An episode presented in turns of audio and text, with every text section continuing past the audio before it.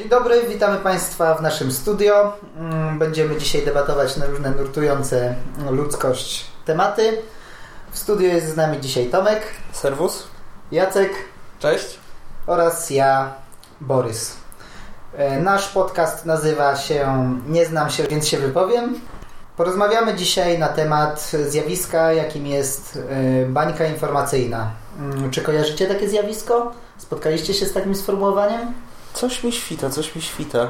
Dokładnej definicji y, z Wikipedii może nie będę przytaczał, ale w moim zrozumieniu mm, ba- bańka informacyjna jest zjawiskiem, które polega na tym, że zamykamy się w pewnym zamkniętym obiegu informacji, otoczonym pewnym filtrem i jakby mając tę ograniczoną liczbę informacji, mamy y, powiedzmy niepełny obraz sytuacji. I y, jak, jako takie dwa podstawowe typy baniek, y, myślę, że moglibyśmy wyróżnić bańki, które tworzymy sobie sami i bańki, które tworzone są przez y, różne media dostarczające nam informacje.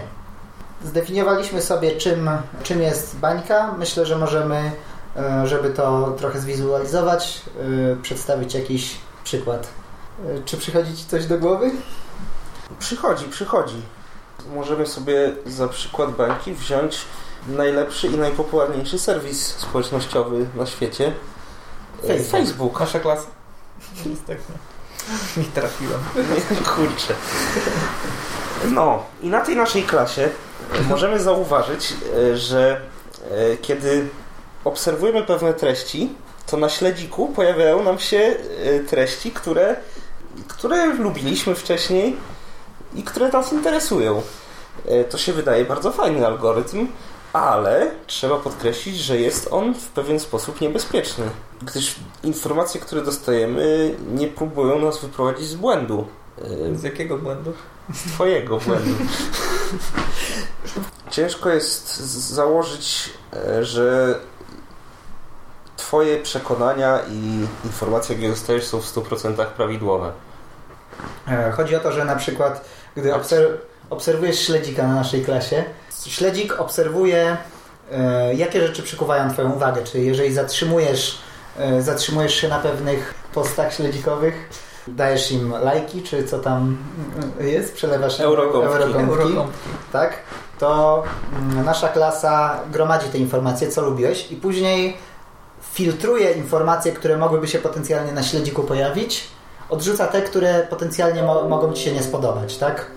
Jest tak, że powiedzmy polubiłeś na y, naszej klasie fanpage StopNob i teraz y, nie wiesz co to StopNob? Nie wiem, co to jest. No, no, No to jest ruch antyszczepionkowy. Aha. Y, I teraz... y, Oczywiście tutaj nie oceniamy e, racji tego ruchu. No oczywiście.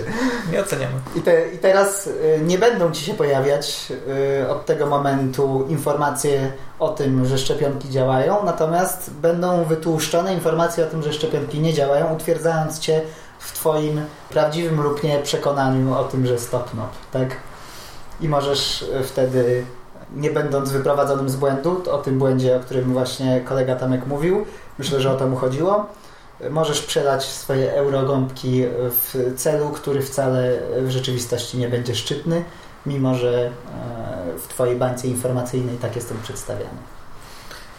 Dobrze, no to porozmawiamy może na temat rzeczy, które są pozytywne w tym zjawisku, a które są negatywne. No, negatywną nazwaliśmy e, już jedną cechę, tak? Mhm. Czyli to, że nie możesz być, możesz być czasami być nie być wyprowadzony z, z błędu, tak? Mhm. A jakieś pozytywne rzeczy No i związane? tutaj myślę, że wszystko zależy od charakteru naszej bańki. Jeżeli y, będziemy w stanie w jakiś sposób y, stworzyć wokoło siebie ten filtr, tak? Mhm. Tworzący bańkę, który odrzuca informacje nieprawdziwe i dostarcza informacje prawdziwe, wtedy y, taka bańka będzie miała pozytywny efekt, bo nie będziemy zalewani natłokiem informacji, które musimy sami weryfikować. Natomiast nie wiem, czy coś takiego powstało i czy coś takiego jest możliwe. No chyba, że na przykład przyjmiemy, że e, WP na przykład jest tym filtrem, gdzie same prawdziwe informacje się pojawiają. y, nie, nie przesiąknięte emocjami, konkretne, konkretne nagłówki. Mm, Suche ra- fakty. Suche fakty, od razu wiadomo o co chodzi w artykule i tak dalej. To są właśnie te, te, te media. No i tak, i to jest, to jest ten, mm, powiedziałbym, typ bańki informacyjnej, y, którą narzuca nam jakieś medium, tak? Czyli na przykład nasza tablica na, na naszej klasie. Znaczy tutaj mamy do czynienia trochę z hybrydą, tak? Bo z jednej Tak. strony Pobiera od nas informacje, co my by chcielibyśmy widzieć i y, na podstawie tego buduje nam tą bańkę, tak? tak, Czyli- plus my sobie czytamy tylko te informacje, które chcemy czytać, czyli które powodują, że czujemy się lepiej albo z którymi się zgadzamy, już nieważne e, dlaczego to robimy, a algorytmy nam to umożliwiają, czyli utwierdzają nas w przekonaniu, że e, te informacje są prawdziwe lub fajne. A nie uważacie, że to jest kwestia jakby z, zbyt mało zaawansowanej technologii, że niektóre rzeczy mm, po prostu w, w nieodpowiedni sposób są dobierane, bo na przykład w tym momencie, jeżeli chcesz sobie poczytać jakieś własne nie wiem, wiadomości, które Cię interesują, to de facto też znajdujesz się w pewnej bańce. Oczywiście, Bo- tak, bo- bo, sam bo- wybierasz, gdzie tak. te wiadomości przeczytasz. Dokładnie. Dokładnie. Czy, czy to jest nawet jakby wychodząc poza, poza internet, tak? który, który wiadomo, że jest w jakiś tam sposób sterowany, manipulowany i tak dalej, i tak dalej. Możesz nawet w bardzo e, analogowy sposób wejść do takiej bańki, która, nie wiem, przez osoby, z którymi się spotykasz, przez środowisko, w którym przebywasz. Właśnie, właśnie to, to chciałem podać jako przykład bańki, którą tworzymy sami, tak? Poprzez nasz indywidualny dobór jakby źródeł, skąd y, czerpiemy informacje i y, jeżeli jesteśmy typem osoby, która niespecjalnie lubi roztrząsać pewne rzeczy, woli jak wszystko jest dla niej jasne i klarowne, Mhm. to prawdopodobnie jakiś światopogląd, który przyjęliśmy, e, będziemy, będziemy jakby szukać źródeł informacji, które nam to będą potwierdzać i będziemy odrzucać jako e, na przykład lewacką propagandę albo prawacką propagandę, tak? Albo ruską propagandę. Albo ruską, ruskich źródła informacji, które nie zgadzają się z naszym jakby światopoglądem i wtedy dla nas jest komfortowa sytuacja, bo my wiemy, że te i te, i me, te media przedstawiają dla nas prawdę, tak? Mhm. Nasi znajomi wszyscy się z, z nami zgadzają, nie mamy o czym dyskutować, bo wszyscy możemy sobie pogadać jako, ja, jakie to są y, złe te pisiory, albo ci lewacy, albo ci peowcy, albo cokolwiek, tak?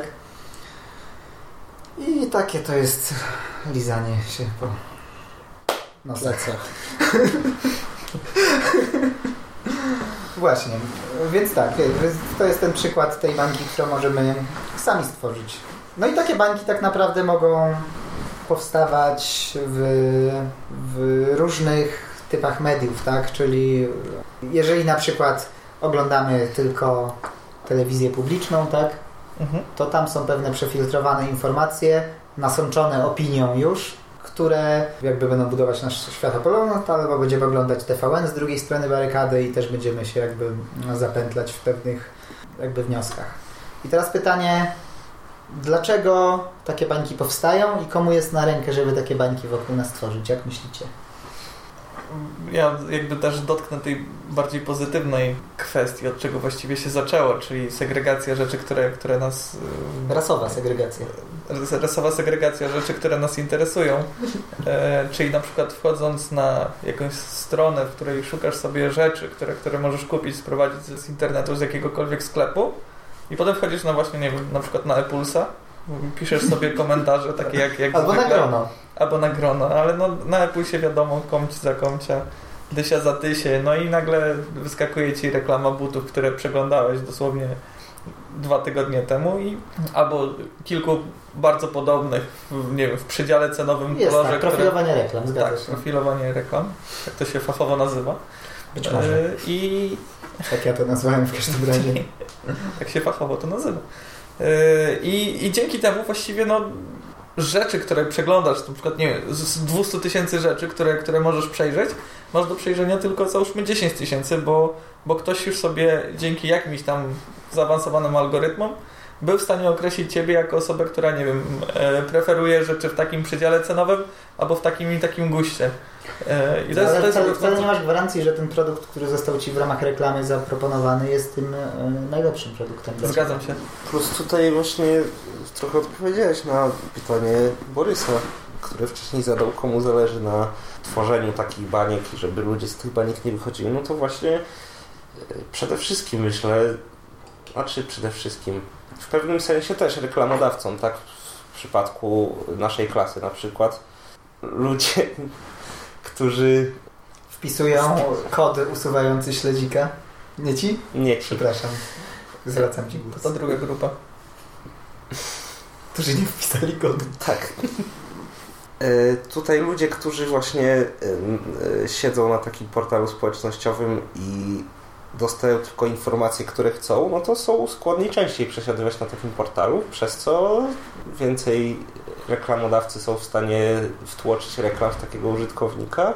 Mhm. Zgadza się.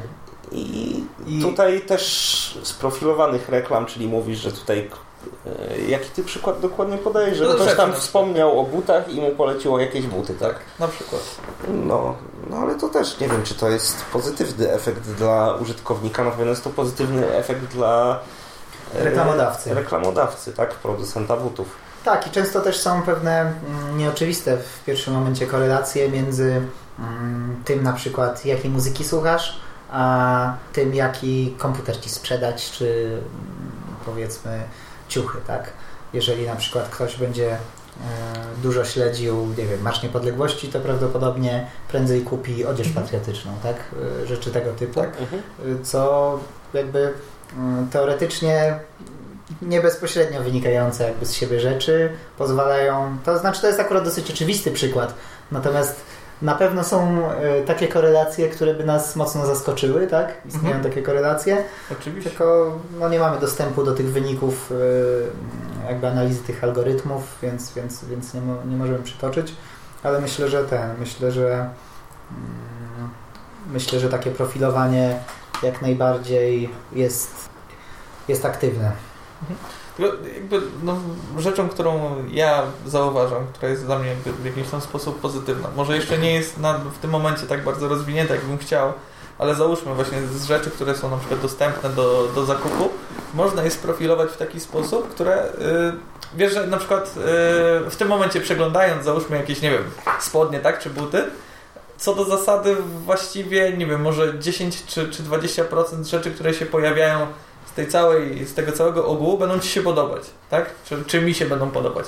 To może być inne 10% czy tam 20%. I teraz, Rozumiem, że... Jeżeli my to zawężymy, mhm. załóżmy do z tych dwóch milionów rzeczy, które na przykład może, mogę sobie przeglądać w tym momencie, do załóżmy 20 tysięcy, ale z czego 80% faktycznie będzie mi się podobać, to ja jako odbiorca będę z tego zadowolony.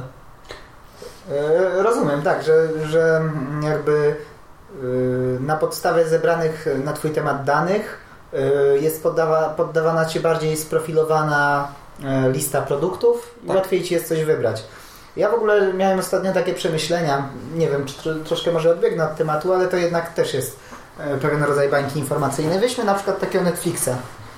Tam mamy pewną, pewien zbiór filmów, tak? I mm, czy, czy Spotify, tak? Zbiór muzyki. I teraz w w miarę jak ta technologia, w miarę, w miarę jak dostępność powiedzmy internetu i tak dalej się, się rozwija, te ceny są niskie za Netflixa czy za Spotify'a, nawet jak na polskie warunki, tak? Oczywiście. To się popularyzuje. Przyjmijmy sytuację, że wszyscy korzystają z Netflixa, tak? I teraz Netflix ma jakąś tam listę filmów i jakiś niezależny artysta y, tworzy film, który powiedzmy ujawnia jakąś wielką aferę związaną z Netflixem, tak? A zakładasz, że wszyscy korzystają z Netflixa i wszyscy artyści wrzucają tylko na Netflixa, tak? Że Netflix że, to jest jedyny dostęp do filmów. Że tak? Netflix stał się najpopularniejszym medium i jeżeli powiedzmy CEO Netflixa stwierdzi, że dany film nie zgadza się z jego na przykład poglądami, to tego filmu nie wrzuci, tak? I przez to ludzie e, będą mieli część dzieł odrzuconą, mimo że potencjalnie mogłoby im to na przykład otworzyć oczy na jakiś temat. Tak? Ja nie mówię, że taka sytuacja występuje, bo wydaje mi się, że nie występuje. Natomiast widzę potencjalne zagrożenie ze strony usług subskrypcyjnych, takie właśnie, że pewne rzeczy, no, pewne rzeczy będą nam odrzucane przez ten mhm. filtr, bo teoretycznie na przykład mogą one nam się nie spodobać, albo ktoś się nie, nie zgadza z treściami przekazywanymi mm, przez te, przez te dzieła. Natomiast gdybyśmy je zobaczyli, mimo że algorytm je odrzucił na przykład, mhm.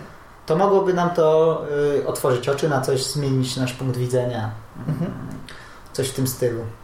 Ogólnie uważam, że Netflix czy Spotify są świetnym E, świetnymi platformami i mm, jedyną sensowną drogą walki z piractwem, tak? Też temat właściwie na, na długie godziny rozmów. Tak. E, natomiast wydaje mi się, że, że takie zagrożenie właśnie z ich strony płynie. Co o tym sądzicie? To jest bardzo ciekawe, ciekawa opinia.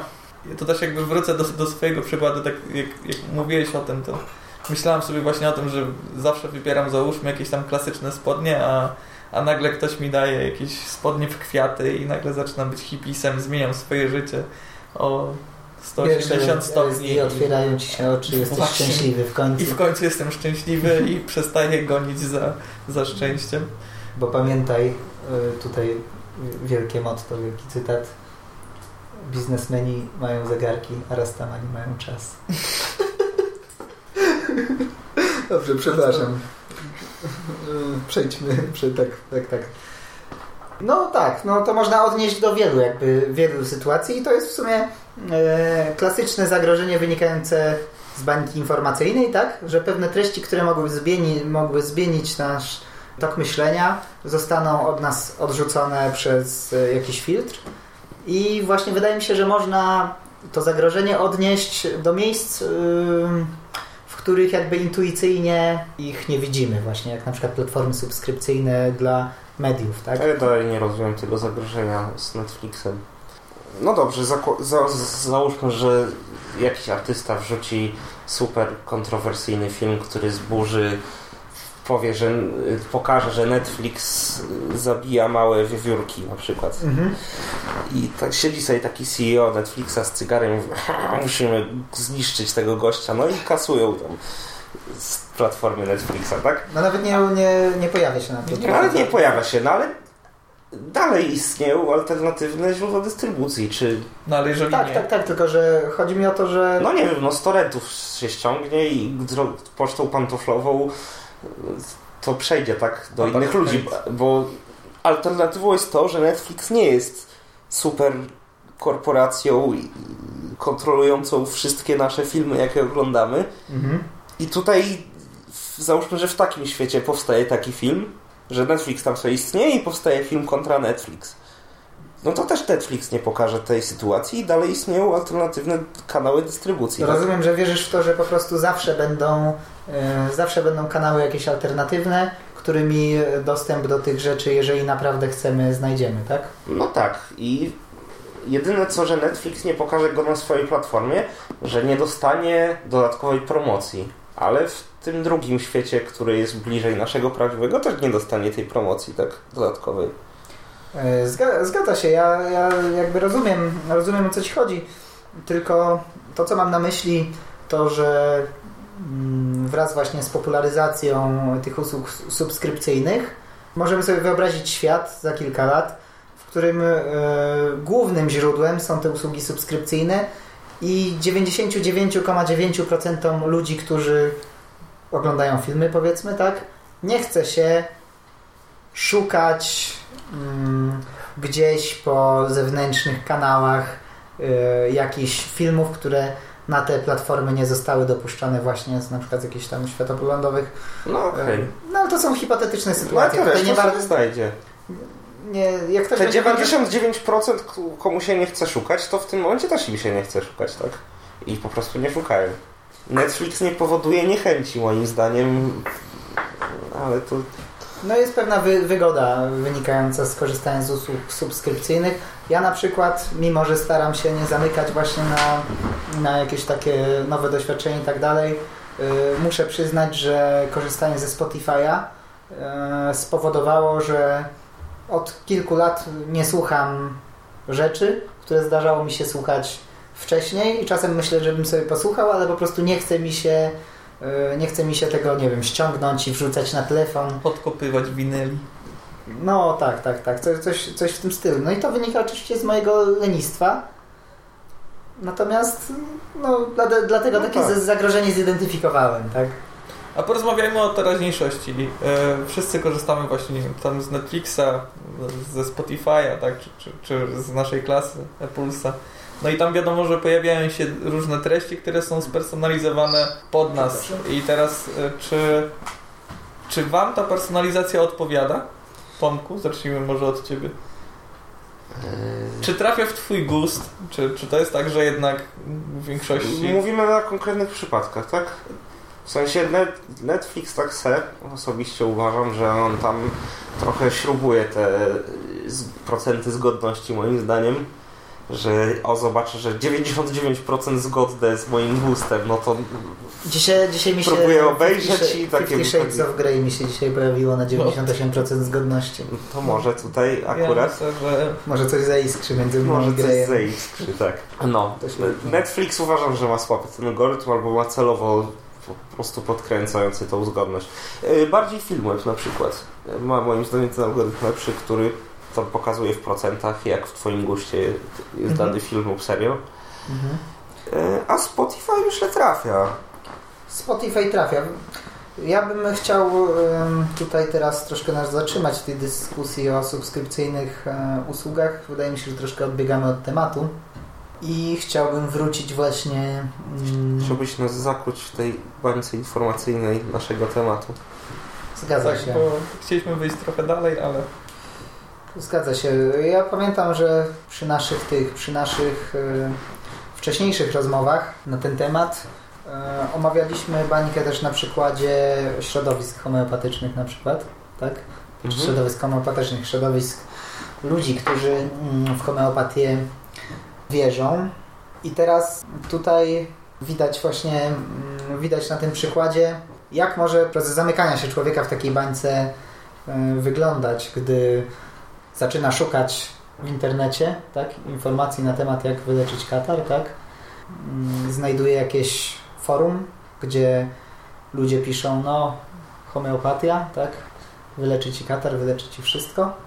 I w momencie, gdy ten człowiek y, jakby wchodzi na to forum, rejestruje się, mm, zaczyna nawet mieć jakieś wątpliwości, to inni ludzie zaczynają mu pisać, no co ty, lobby farmaceutyczne, lekarze cię oszukują, lekarze dostają pieniądze, żeby ci wciskać e, leki, kiedy mógłbyś e, jeść te kulki z cukru homeopatyczne i, i to cię uleczy. I to jest też przykład takiej bańki, gdzie mm, jakby bańka może zostać stworzona przez środowisko, którym się otaczamy. I tak jak wcześniej przytoczyłeś też y, ludzie, którymi się otaczamy są pewną bańką informacyjną. Dyskusje, które z nimi prowadzimy często powodują, że nasze powiedzmy mm, nasze e, przemyślenia na pewien temat gdzieś jakąś, w jakąś wypadkową się schodzą, tak? I tak dalej, więc y, bańka wydaje mi się, że jest zjawiskiem nieuniknionym, tak? I teraz pytanie, jak powinniśmy tą swoją bańkę prowadzić, którą sami sobie tworzymy, tak? Żeby to było dla nas jak najlepsze, żebyśmy powiedzmy z tych informacji, które dostajemy, rzeczywiście tej, e, tej prawdy wyciągali jak najwięcej. Co sądzicie tutaj? ja myślę, że każdą informację, którą otrzymujemy, powinniśmy w jakiś sposób kwestionować. No bo jeżeli, jeżeli nie widzimy czegoś na żywo i ktoś nam przekazuje jakąś informację, to ona zawsze jest w jakiś sposób zmanipulowana. Oczywiście, no Przez jest to, że- jego jakąś opinią przesiąknięta Tak, zazwyczaj, bo często surowych danych nie jesteśmy sami w stanie przeanalizować, bo się na czymś nie znamy, tak? To jest raz, a dwa, no dwie osoby, które widzą dokładnie taką samą sytuację, mogą mieć totalnie różne opinie na ten temat. Przez i... pryzmat swoich doświadczeń na przykład. Tak, dokładnie, więc, więc no, to jest bardzo, bardzo ciekawy temat. I tak jak no teraz widzimy właściwie tak w Polsce, jak to wygląda w momencie, kiedy mamy jakieś informacje, które są podawane przez dwie różne komercyjną i niekomercyjną e, stację telewizyjną. Mhm. Jak w jaki sposób można jedną informację przekazać. No i to, czy jesteś po jednej stronie, czy po drugiej stronie, będziesz, na podstawie tego będziesz wybierać, co jest dla ciebie jakby taką prawdą, która została przekazana przez, przez, przez jedno z tych, z tych mediów. To jest bardzo ciekawe. Ja wielokrotnie się spotkałem z takimi osobami, które przyjmują, e, nawet w najbliższym otoczeniu, przyjmują wszystkie rzeczy, które do nich przychodzą z danego źródła jako prawdę, Mhm. a w momencie, kiedy, kiedy ty w jakikolwiek sposób zakwestionujesz, nawet nie w sposób taki atakujący, tak? tylko po prostu podasz jakiś inny kontrargument jakby na tezę, która, która gdzieś tam została wystawiona, po prostu zaczynają cię atakować. Zaczynają w taki sposób prowadzić rozmowę, w który staje się agresywny, staje się niebezpieczny i, i po prostu nie są w stanie przyjąć żadnego innego, e, żadnej innej informacji, na to, że są tak hermetycznie zamknięte na, na, Tak, na tak, tak. informację, którą mogą przyjąć. Tutaj, tutaj też się po, pojawia, y, jeszcze tylko wtrącę od siebie właśnie, mm, pojawia się często takie zjawisko, że jeżeli ktoś jest właśnie zamknięty na jedno źródło informacji, a ty podajesz mu coś y, sprzecznego z tymi informacjami, czyli hipotetycznie y, jest y, człowiek, który wszystkie informacje czerpie z y, telewizji publicznej, i ty mu mówisz coś, co e, jakby zaprzecza wprost e, jakiejś informacji podanej w telewizji publicznej, Mhm. to ta osoba po, prawdopodobnie zakwestionuje twoje źródła jako zmanipulowane przez jakieś tam lobby i, i tak dalej, nie? Dokładnie. Tomek, wydaje mi się, że chciałeś coś jeszcze też od siebie dodać przed chwilą. Już, już nie na temat. Już nie na temat. Okej. I teraz e, tak. Mamy na przykład te środowiska mm, antyszczepionkowe, czy środowiska homeopatyczne. Nadal nie oceniamy. Nie znamy się na medycynie. Ja, ja się nie znam, żaden z nas y, wydaje mi się się jakoś specjalnie nie zna, więc jak mamy ocenić, czy dany pogląd jest prawdziwy, czy nie? Jeżeli i wy, wybrać, czy z danego źródła będziemy korzystać, czy nie, na przykład, y, czy no, dane wnioski odrzucimy, czy przyjmiemy, jeżeli się na dany temat y, nie znamy. Mi się wydaje, że w przypadku, gdy się nie znamy, nie mamy innego wyboru niż powołać się na jakieś y, autorytety, czy na kogoś, kto już wniosek wysnuł, ale jeżeli weźmiemy, sprawdzimy artykuły o tym, czy jabłka są zdrowe w internecie, to znajdziemy artykuły, że są zdrowe i niezdrowe. Czy kryterium tego, których artykułów jest więcej, będzie słusznym? Niekoniecznie, tak? Bo ci, którzy mówią nieprawdę, mogą głośniej krzyczeć. Tak jest też często. W przypadku środowisk antyszczepionkowych jest tak, że często środowiska naukowe nie wchodzą w dyskusję, bo uznają, że to jest zbyt trywialne jesteśmy już za zbyt rozwiniętym społeczeństwem, żeby w ogóle było warto dyskutować na ten temat.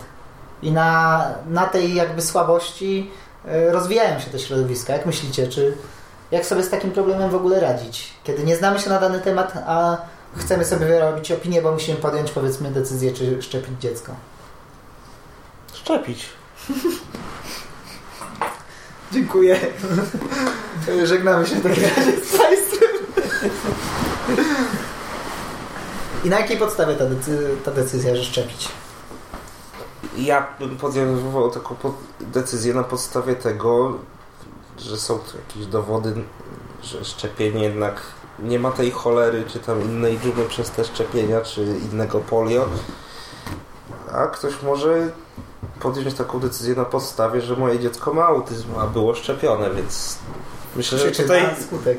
Tak, przyczyna skutek. Myślę, że jak ze wszystkim, no, trzeba się kierować jednak podstawowym, zdrowym rozsądkiem i logiką. Właśnie- Nic nie powiem odkrywczego tutaj, ale Ja taka bym, ja jest bym moja opinia. że Tak? logika, logika była, bywa zawodna. No, logika rozumie, rozumiana przez chłopski rozum, yy, gdy się na dany temat nie znamy. Bo czasami są pewne zależności, których nie rozumiemy, ja nie nie widzimy. mówię logiki jako chłopski rozum, tylko mówię logika w pełnym tego słowa znaczeniu, w definicji No, słownikowej. no tak, tylko że y, jak masz za pomocą prostej logiki oceniać jakieś wydarzenia, nie wydarzenia, tylko jakieś zjawiska na przykład, powiedzmy z dziedziny ekonomii, kiedy tam występuje dużo zależności, o których nie wiesz i przy twojej ograniczonej liczbie danych wejściowych twoja logika ci może coś powiedzieć, co jest nieprawdziwe. Znaczy mamy e, takie narzędzie, które służy do robienia zdjęć i dzwonienia telefonu, dzwonienia do różnych ludzi się okazuje, że także ma dostęp do internetu. Można sprawdzić badania naukowe, jak coś nas frapuje lub jest to sprawa życia i śmierci lub sprawa grubych pieniędzy, no to nie można podejmować decyzji na podstawie, że o, w tym momencie mam ochotę na szczepionki, to sobie się zaszczepię, tylko e, po prostu albo zjadłbym sobie jabłko, to kupię akcję Apple. No, tylko nie wiem, no sprawdzić w internecie, zobaczyć, I, czy gdzie, to ma gdzie sens. w tym internecie sprawdzić? Bo w jednym miejscu ci powiedzą jedno, a w drugim drugie. I a jeżeli, badania jeżeli naukowe na przykład... na przykład można sobie wyszukać ile osób dostało autyzmu po szczepionkach, albo ile osób miało powikłania, bo są takie osoby, ale jest to duża liczba, dużo mniejsza liczba osób niż które zostało przed tą chorobą zabezpieczone poprzez szczepionki, tak? Mhm. E, rozumiem, co Ci chodzi, natomiast nie jestem do końca przekonany. Wydaje mi się, że mm, wiele ludzi nie ma takiego zrozumienia, jak e, świat nauki działa na przykład i e, dla nich publikacja, w której przeczytają, że homeopatia działa, bo zostało sprawdzone na grupie X i wyszło, że mhm. wszystkim pomogło i przeczytają badania, że homeopatia nie działa, Mo, może, może jakby traktować, nie być w stanie zinterpretować, nie wiedzieć co to są ślepe próby, nie wiedzieć, że jednego typu publikacji jest 99 razy więcej na przykład i tak dalej, y, bo też nie ma czasu przejrzeć tych wszystkich rzeczy, to jest za trudny materiał dla takiej osoby i może podejmować błędne decyzje, tak? Ja widzę tutaj dwa problemy. Pierwszy problem jest taki, że, że jest ogromna liczba osób, których nie jesteś w stanie przekonać żadnymi argumentami logicznymi. No, no tak, to nie, ogólnie takich tak. osób nie przekonamy i tak. Więc... Po prostu jesteś w stanie wyłożyć kawę na ławę, powiedzieć, że A wychodzi z B, a B wychodzi z C i nie ma żadnej innej drogi, ale ta osoba nadal będzie skupiona na swoim zdaniu i będzie cały czas go bronić w tak irracjonalny sposób, bo widziała na przykład jakiś tam przypadek, który ją przekonał, no i ona w to wierzy głęboko, tak? No, mhm, jest mnóstwo, mnóstwo his, historii, które możemy tutaj przytoczyć jak, jako przykłady takich rzeczy. A z drugiej strony, drugi problem, wydaje mi się, że jesteśmy w stanie nawet, nawet jeżeli mamy, załóżmy, dwie osoby, które chciałyby się dowiedzieć czegoś na temat jakiegoś tam problemu, i obie mają bardzo podobne podejście, czyli na przykład rozumują w sposób logiczny, tak, że do nich jakby e, docierają argumenty i tak dalej, i tak dalej, ale jesteśmy w stanie postawić dwóch ekspertów, którzy będą naprawdę ekspertami w danej dziedzinie i jeden będzie za prawą stroną, drugi będzie za lewą. Ich argumenty będą się równoważyć i jak w taki sposób mamy podjąć decyzję? Tak? Na podstawie nawet autorytetów, załóżmy, tak? z dziedziny ekonomii, gdzie, gdzie mamy profesora nauk, który mówi, Doktora czy tam, który sobie Rozwać pupiry. Tak, załóżmy. A po drugiej stronie mamy drugiego. Jana Rodzenia. Na przykład dyrektora. Klubu księgarza. Klubu księgarza, który mówi, że okej, okay, zróbmy jednak plan B. No i ty jako osoba, jako osoba ma... postronna, która może nie mieć pojęcia, albo może nawet mieć pojęcie. To jest proste. Wtedy jak obserwujesz taką dyskusję, no to stajesz za tą osobą, z którą się zgadzasz. W sensie, przez pryzmat własnych, przez pryzmat własnych poglądów. Ale jeżeli, Niekoniecznie za ale jeżeli osobą, chcesz, rację. Tak. Ale zobacz, no dobrze, jeżeli mamy, załóżmy, masz jakąś określoną e, kwotę gotówki, załóżmy milion złotych, tak? Mhm. I chcesz to zainwestować i prosisz dwie osoby o wydanie opinii na temat tego, w co powinieneś zainwestować. Jeden doktor nauk e, mówi e, zainwestuj w produkt A, a drugi Dlaczego? mówi no bo mam masę argumentów, które... No tak, które, wtedy, mówi... wtedy słuchasz tych jego argumentów. Tak.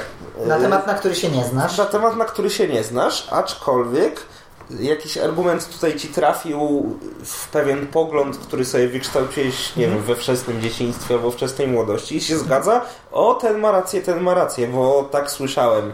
Ale, Więc- No dobrze, no to... To jest nieracjonalne zupełnie, To co ale... mówisz, to jest prawdopodobny, to jest scenariusz prawdopodobny, ale to właśnie, y, że jest rzecz, od której też wydaje mi się chcielibyśmy uciec Oczywiście. i pytanie jest jak od tego uciec.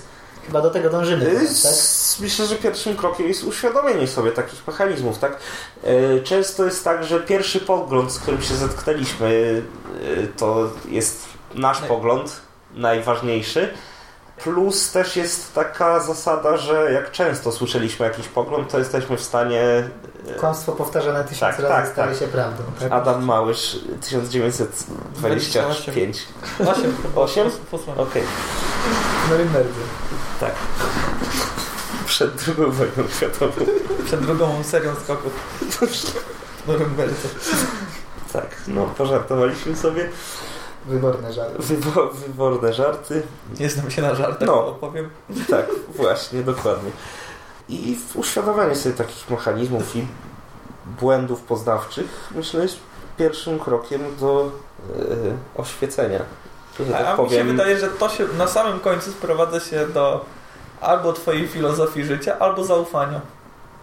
Że na samym końcu, jeżeli masz dwie osoby, które mówią ci dokładnie jakieś tam rzeczy, które ci pasują i na samym końcu patrzysz na danego człowieka i, i, i decydujesz na, na No podstawie tak. tego, czy, czy kogoś bardziej polubiłeś, czy nie. Bo Co to też, znaczy, jest, to- co też jest trochę zdrowym podejściem, tak? Bo Jest zdrowym podejściem, jest też pułapką, bo może, się, może wystąpić Tak. sytuacja, gdzie osoba, która ma rację się jąka, a osoba, która nie ma racji jest krasomówcą i pójdziesz wtedy w złą stronę, tak? Oczywiście, ale załóżmy, że już mamy wielokrotną styczność z tymi osobami i na nich polegamy któryś już raz. Mhm.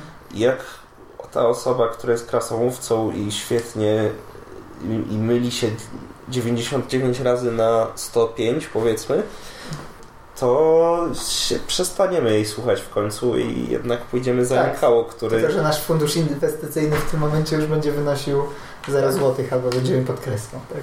No tak, tak, ale to też możemy jego poprzednie Analizy, inwestycje, analizy Mhm. popatrzeć i tak dalej. No Jednak zgadza się, zgadza się. No to jest, to jest to pro... mówimy o takich w sumie podstawowych rzeczach, tak? Że Mhm. na, na jakiej podstawie podejmować decyzje, jak No, żyć i To tak dobrze, ale dobra, ale załóżmy, że mamy osobę, której bardzo ufamy. Tak, a na samym końcu okazuje się, że, że ona nie do końca robiła dobrze, Mhm. ale jakby ze, ze swojej strony jest, jakby uważała, że cały czas robi dobrze, Ale miała dobre intencje, Miała dobre intencje, ale nie miała dokładnie. odpowiedniej wiedzy na przykład na tak, temat. załóżmy na przykład, mo, mogą być takie sytuacje, że rodzice robią coś takiego. Tak, że chcą przekazać dziecku na przykład najlepsze wartości, które, które mogą, ale to dziecko potem jak dorasta i przeżywa jakieś swoje jakby różne doświadczenia, tak, Mhm. zaczyna jakby trochę przewyższać nawet emocjonalnie i intelektualnie swoich rodziców i potem się okazuje, że że to, co, nie wiem, rodzice yy, chcieli takiemu dziecku zaszczepić, nie było dobre. Stop, no. Stop, Nie będziemy nic szczepić dzieciom. No tak, tak. I, to, I wtedy takie dziecko musi skorygować swój światopogląd i może na lepsze, może na gorsze. Mm, Zawsze, zawsze wszystko oceniamy przez pryzmat swoich doświadczeń, które mogą być niereprezentatywne i prowadzić nas y, w złą stronę, tak? Mm, Wydaje mi się, że tutaj nie ma, nie ma dobrej odpowiedzi y, na pytanie, jak w sytuacjach, gdy nie zdamy się na, na dany temat, podejmować właściwą decyzję. Możemy słuchać autorytetów, możemy weryfikować informacje, ale nie możemy się też zatracić w poświęcaniu nieograniczonych y, ilości czasu na dojście do prawdy, bo po prostu trzeba, Oczywiście. trzeba też żyć, trzeba coś zjeść Tak. i trzeba spać, tak? No i takie, takie kwestionowanie wszystkiego też może być szkodliwe, tak? No można, Powiedzmy- mo, można się w tym mocno zatracić dla, Mamy, mamy sobie jakiś dla super, spokoju. mamy sobie jakiś super autorytet, który załóżmy no, na rzecz tej dyskusji, że w 100% zawsze mówi prawdę. Barack Obama. Barack Obama na przykład. I przychodzi Donald Trump wstrętny i mówi a tu się ty na pewno tutaj urodziłeś w tych Stanach? A ty na pewno dobrze tutaj prowadziłeś tę politykę zdrowotną? I tutaj zaczyna nam kwestionować, tak? I w momencie, w którym kwestionujemy wszystko, i kwestionujemy tego i kwestionujemy tego, hmm, no to prawda gdzieś tam leży po środku, co? No właśnie Może- wcale niekoniecznie. No właśnie wcale niekoniecznie, ale takie kwestionowanie wszystkiego właśnie może do tego doprowadzić, że kwestionujemy jednych, kwestionujemy drugich, no tak, i ci są, i ci są tacy, tacy sobie, tacy może nie do końca mówią prawdę i ci, to mi w sumie wszystko jedno, to ja tam po swojemu zrobię na przykład. Mhm. Ale tu definitywnie, prawda, może którykolwiek z, rozmówców mieć, tak? I takie kwestionowanie wszystkiego nie jest do końca takie. No, Ja bym zakwestionował to, że, że kwestionowanie wszystkiego jest dobre. I tutaj jest dos, dosyć ciężka sprawa, bo w sumie mm, wszystkie rzeczy, które tutaj wymieniliśmy, to są rzeczy, to są pewne jakby mechanizmy, pewne zachowania, które są złe dla nas. Natomiast nie znaleźliśmy żadnego mechanizmu, który jest dobry. Czyli nie stosować mechanizmów. Tak, Wniosek sam się nie wyciągnął. stosować mechanizmów. Dlatego w związku z tym chciałbym Was zapytać, mm, jak Wy weryfikujecie źródła, z których czerpiecie informacje, jak wyrobiacie sobie na przykład opinie na tematy, na których nie posiadacie opinii, albo sytuacja wymaga od, od Was, żebyście zaczęli posiadać opinię, bo na przykład musicie coś w związku z tym zrobić, albo po prostu chcecie opinię na dany temat mieć. Czy macie jakieś, e, macie jakieś swoje sposoby? Ja mam fajną metodę, którą uważam, że jest dobra. Może się mylę, ale może nie. E, Kwestionujesz Tak, kwestionuję metodę. swoją metodę. Ale ogólnie sobie dyskutuję, powiedzmy, z kimś na dany temat i ktoś mi próbuje coś wytłumaczyć. Ja zawsze zajmuję przeciwną stronę. Czyli kwestionujesz. Czyli najpierw, najpierw sprawdzasz, jaką on ma W sensie opinię, kto, ktoś, ktoś, mi, ktoś mi coś mówi i ja wtedy mówię przeciwko temu. Dyskutujemy sobie, dyskutujemy, dyskutujemy i gadam z kim innym na ten sam temat, tylko zajmuję jakby pozycję tej osoby, która mi coś próbowała przekazać i wtedy czasami jest tak, że ta inna osoba się ze mną zgadza, czasami jest tak, że ta inna osoba zaj, zajmuje przeciwną stronę i po prostu poprzez e, mówienie, opowiadanie się po różnych stronach Mhm. to sprawdzam, jakie ja jestem w stanie wymyślić argumenty na daną stronę, sprawdzam, jakie ktoś inny jest w stanie wymyślić argumenty, które argumenty są prawdziwe, które nie i to tak... No, które argumenty są prawdziwe, które nie, to Znaczy nie, ale- dyskusji nie zweryfikujesz. Nie zweryfikujesz, ale e, które argumenty są w stanie obalić inne argumenty i potem też często wracam Mhm. do tej pierwszej osoby i dyskutuję argumentami innej osoby i tak, A tak się kręci, a, tak? a robisz to samemu, wcielając się w obie osoby, czy Tak. z kimś dyskutujesz? Ja zazwyczaj jeszcze, ja się wciąłem w moderatora i To jest jak I granie po- samemu z sobą w szachy. Tak. Ja jestem sędzią i tutaj sobie wyobrażam dwie osoby, które grają w szachy. Żeglem, sterem i okręgiem. I i rybą, i wędką. No. Okej, ja, po- ja przyznam szczerze, że ten, e, że moja metoda mm, wyrabiania sobie opinii na różne tematy jest podobna. To znaczy, ja mam w ogóle jakąś taką naturalną tendencję, y, niezależnie czy się z czymś zgadzam, czy nie, do stawiania się w roli adwokata diabła. Jak ktoś mi powie, że e, na przykład trzeba szczepić i antyszczepionkowcy to debile, to ja nawet dla żartów dam się z nim w dyskusję, broniąc antyszczepionkowców i przedstawiając argumenty, ym, którymi jakby oni się podpierają, tak? I y, no takie mm, powiedzmy wyrabianie opinii w boju, tak? Sz- Szlifowanie opinii na dany temat, gdzie jeżeli ktoś jest, jeżeli jesteś w stanie obronić y, jakąś tezę, tak? Czy tam hipotezę, jeżeli jest- jesteś w stanie obronić jakąś hipotezę, to znaczy, że ona może być warta bronienia, tak? A jak to u Ciebie, Jacek, wygląda? Ja właśnie mam to jakby totalnie inne podejście niż, niż tutaj obecni koledzy. E, Ja bardzo lubię najpierw zebrać bardzo dużo informacji na dany temat, żeby móc wejść w jakąkolwiek dyskusję. Bardzo nie lubię dyskusji na, na temat, którego nie znam. Jakby przytaczając takie bardzo pospolite argumenty, które gdzieś tam kiedyś trafiłeś a propos tego nieznania się na temat się wypowiadania. No właśnie. To, to następnym razem mnie tu nie będzie. To jest temat, który naprawdę jest dla mnie dość e, irytujący. Bardzo mnie to denerwuje i, i wielokrotnie spotykam się z tego typu sytuacjami, czy to nawet na, na zwykłych spotkaniach rodzinnych, kiedy widzę, że, że ludzie mają szczątkowe informacje dotyczące jakiegoś tam danego problemu, a są w stanie e, tak poprowadzić dyskusję, żeby że, żeby strasznie zapierać się w swoim, w swoim zdaniu. No bo właśnie widzisz, bo jeżeli masz ograniczoną, to jest to, co wcześniej mówiłem, jeżeli masz ograniczoną liczbę danych na informacji na dany temat, tak, to jesteś w stanie sobie zbudować logiczną argumentację Mhm. opartą na ograniczonych danych, która generalnie trzyma się kupy i można w nią uwierzyć, tak? Więc no to jest, to jest trochę problematyczne.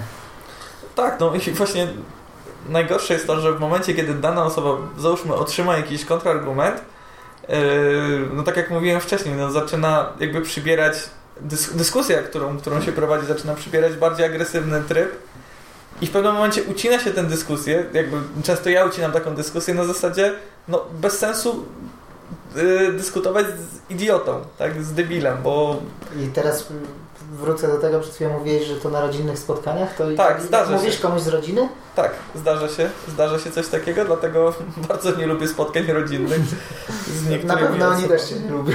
Jakich od idiotów wyzywasz? Nie, to było niestety- w głowie, tak? Czy... Nie, nie, Nie? nawet, Wyzywasz od debili? Tak, A, Świąteczny stół, ktoś tak, mówi, no od zawsze 11 dań było przy stole świątecznym. Co? Tak. Bo jesteś idiotą. Tak, i Pamiętam, i potem, w 2001 było 11 dań i kompot. potem, potem pokazujesz papirusy, jak to wyglądało miliard lat temu. E, No, także lubię sobie najpierw zebrać jednak dużo sprzecznych informacji na, na temat jakiegoś danego problemu z różnych źródeł. Mhm. E, skonfrontować to ze, z własną opinią, jak o tym myślałem od samego początku, bo często zaskaku, zaskakuję samego siebie na tym, że, że myślałem o problemie w dany sposób, okazuje się, że jest zgoła inaczej. Mhm. E, co dodatkowo jakby mnie rozwija, co, co uważam za jakby największy pozytyw tego wszystkiego. E, tego typu dyskusji i, i, i tego typu problemów, które się pojawiają, no bo ja zyskuję na tym jako człowiek, poszerzając swoją wiedzę i swoje doświadczenie. E, I dopiero wtedy dyskutuję właśnie z innymi osobami, ale już obierając jakiś konkretny, Okej. konkretne, Konkretne stanowisko, konkretne które, stanowisko. które masz ochotę bronić na podstawie danych, które zebrałeś, tak? tak. Czyli, czyli przyjmujesz już, yy, znaczy przyjmujesz jakąś ustaloną pozycję zgodną z Twoim poglądem, Tak. a nie gimnastykujesz się, wcielając się w buty na przykład przeciwnej strony, żeby dyskusję poprowadzić w pewien niestandardowy sposób. No Dokładnie. to jest, to jest, to jest zrozumiałe. Ja nie mówię, że moja metoda jest słuszna, tylko moja metoda wynika yy, w pewien sposób z mojego charakteru. Ja po prostu lubię dyskutować. Jeżeli ktoś się ze mną zgadza na dany temat, to nie mógłbym z, nim dyskutować, Tak. gdybym nie yy, wszedł w buty jakby strony przeciwnej. Tak? No, temat bańki informacyjnej omówiliśmy dosyć, dosyć szeroko, wydaje mi się. Czy macie jeszcze coś do dodania w tym temacie? Chyba już z mojej nie, strony. bańki są złe. Chyba, że są dobre. I szczepcie, szczepcie dzieci. Bańki są złe, natomiast są nieuniknione moim Banki zdaniem. są złe. Zawsze, zawsze mamy jakiś filtr, który wynika z naszego środowiska, z, z dostępności informacji i tak dalej. Bańki nie tyle powinniśmy zwalczać, wydaje mi się, co mm, nauczyć się je kontrolować. Nauczyć się je rozumieć, z czego wynikają i próbować takie formować, żeby mm, dostarczały nam jak najwartościowszych informacji, niekoniecznie dla nas komfortowych. To nawet tak jak na improwizację wydaje mi się nie głupie, co powiedziałem. Może być ładna puenta dyskusji na temat e, baniek informacyjnych. Czy poza tematem baniek informacyjnych mamy coś jeszcze do omówienia? Czy spotkaliście się ostatnio z, jakim, z jakąś ciekawą rzeczą, o której chcielibyście opowiedzieć?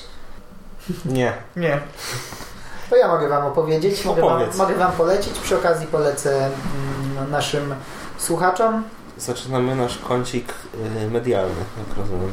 Kącik medialny, możemy to tak ładnie nazwać, tak. E, Miałem okazję ostatnio wybrać się do kina studyjnego na film e, Beksińscy album rodzinny. Słyszałem. E, Nie widziałem ostatniej rodziny. Widziałeś ostatnią rodzinę? Tak, widziałem ostatnią rodzinę. Ciekawy jestem bardzo, jak, e, jak te dwa filmy względem siebie leżą. Ponieważ- Słyszałem, że, że gra aktorska jest po prostu tak idealnie odwzorowana, Tak? że, że, że, że świetnie zagrali.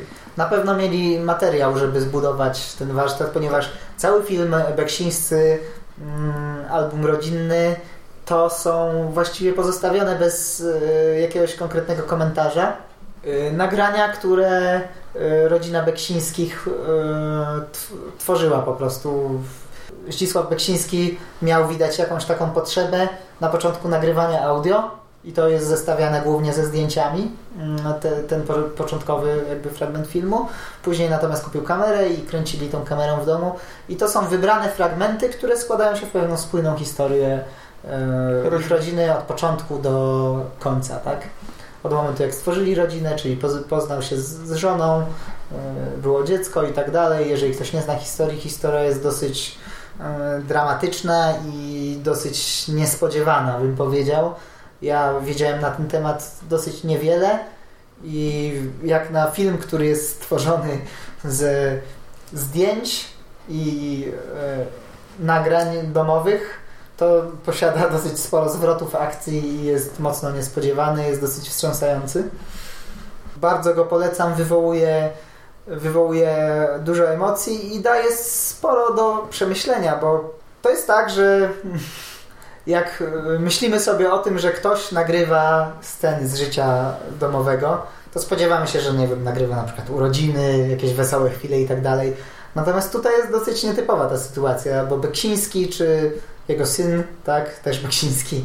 E, Tomek. Tak. Oni nagrywają również sceny z życia, które mało kto zdecydowałby się nagrać. Mocno nieprzyjemne, mocno niezręczne aż do oglądania.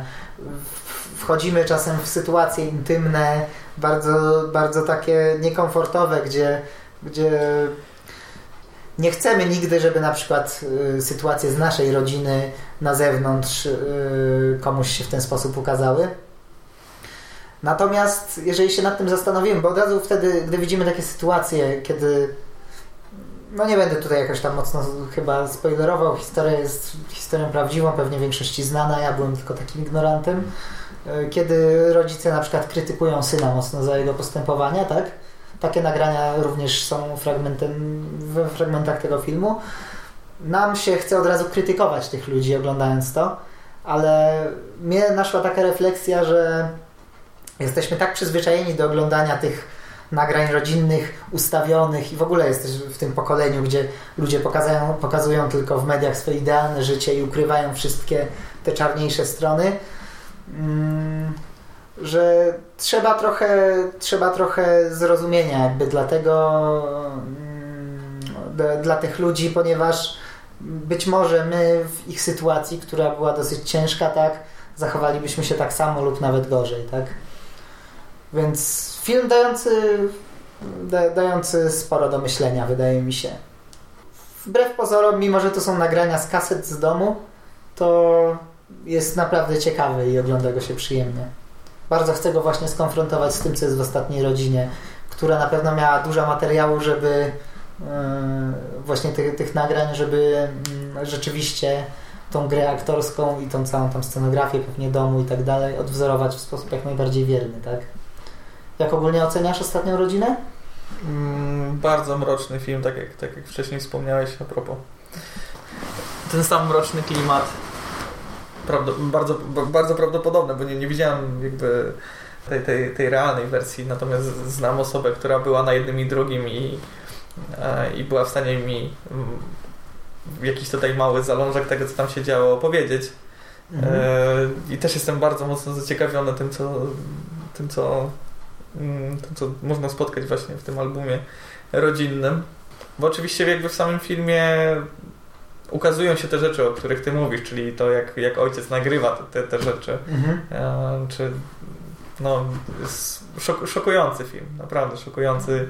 Ja też jakby przed filmem nie znałem dokładnie historii, znałem twórczość Beksińskiego, ale nie znałem historii e, jego rodziny i tego, co tam się wydarzyło. No i i pamiętam, że to był taki film, który chcieliśmy sobie obejrzeć na wieczór z dziewczyną i, i to był film, po którym bardzo długo nie mogliśmy zasnąć ze względu na to, co, co się po prostu w tym filmie działo. Na pewno e, na pewno film godny polecenia. Na pewno film, który ja szczerze uważam, że, że to jest film, który, który trzeba obejrzeć. Mhm. i z całego serca go polecam, bo no naprawdę robi piorunujące wrażenie. Takiego filmu chyba jeszcze nie oglądałem i no szczególnie jakby biorąc pod uwagę fakt, że, że jest oparty na faktach jeden do jeden, a co więcej, biorąc pod uwagę właśnie opinię osoby, która była na, na, na filmie prawdziwym, po, prawdopodobnie pokazuje bardzo, bardzo zbliżoną rzeczywistość do tego, jaka, jaką, jaka była naprawdę. Jestem ciekawy, która kolejność oglądania jest lepsza. Czy Bardzo ciekawe. będziemy mogli w sumie to zweryfikować. Tak. Ciekawy jestem Twojej opinii, jak Ty obejrzysz mm, ten album rodzinny i ciekawy jestem, jak ja odbiorę właśnie ostatnią rodzinę po obejrzeniu tych nagrań. Ogólnie historia jest o tyle ciekawa, że to są rzeczy, które się wydarzyły tak naprawdę przed chwilą, tak? Moja mama, bo ja byłem e, z, z żoną i z mamą, tak, na, na seansie i moja mama też mówiła, że ona dziwiła się, że ja nie pamiętam w ogóle audycji z trójki Tomka Beksińskiego, tak? I że to było przecież ledwo co, nie? Ja tam, ja tam oczywiście miałem ile tam 10 lat czy ileś, tak? Ale mm, ale właśnie dla niej to ona, ona mówiła, że właśnie lubiła ich słuchać, że takie on całą noc puszcza muzykę i to była taka nietypowa muzyka właśnie jakaś taka awangardowa i tak dalej, że, że to było e, że to było coś, coś, coś ciekawego, tak? No dobrze. E, Myślę, że ten. Myślę, że na tym skończymy chyba na dzisiaj, tak? Zgadzam się. Myślę, że tak. To dziękujemy bardzo za uwagę. Pozdrawiamy. i Pozdrawiam zapraszamy. słuchaczy. Dziękujemy za listy, które nam przesyłacie. Jest ich coraz Komentarze, więcej. opinie. I, i Właśnie. komentarze, opinie. Prosimy o subkowanie, lajkowanie, Jest, jest, o komcie. jest Tak, coraz i trudniej na- odpisywać na to wszystko, bo Follow, jest tego tak followy na Instagramie. Ja chciałbym jeszcze tylko dodać na koniec. E, przypomniało mi się, wydaje mi się, że ciekawym zabiegiem może być, jeżeli opublikujemy ten nasz odcinek zerowy czy pierwszy. Wydaje mi się, że cie, ciekawym zabiegiem może być, jeżeli ktokolwiek tego przesłucha, e, To żebyście, ciekawy zabieg. żebyście, Jeżeli ktokolwiek tego przesłucha. żebyście przesyłali nam e, swoje zdanie na temat bańki informacyjnej. Być może w następnym odcinku na przykład, jeżeli macie jakieś rzeczy, które wydaje Wam się, że coś wnoszą jakby do dyskusji, coś czego nie wzięliśmy pod uwagę, e, możemy się do tego odnieść i polemizować z, z tym w następnym e, odcinku. Zapraszamy. I prosimy komentować, kto jest waszym ulubionym prezenterem. Tak, i prezydentem Stanów Zjednoczonych. Tak. Barack Obama. Do widzenia. Pańka.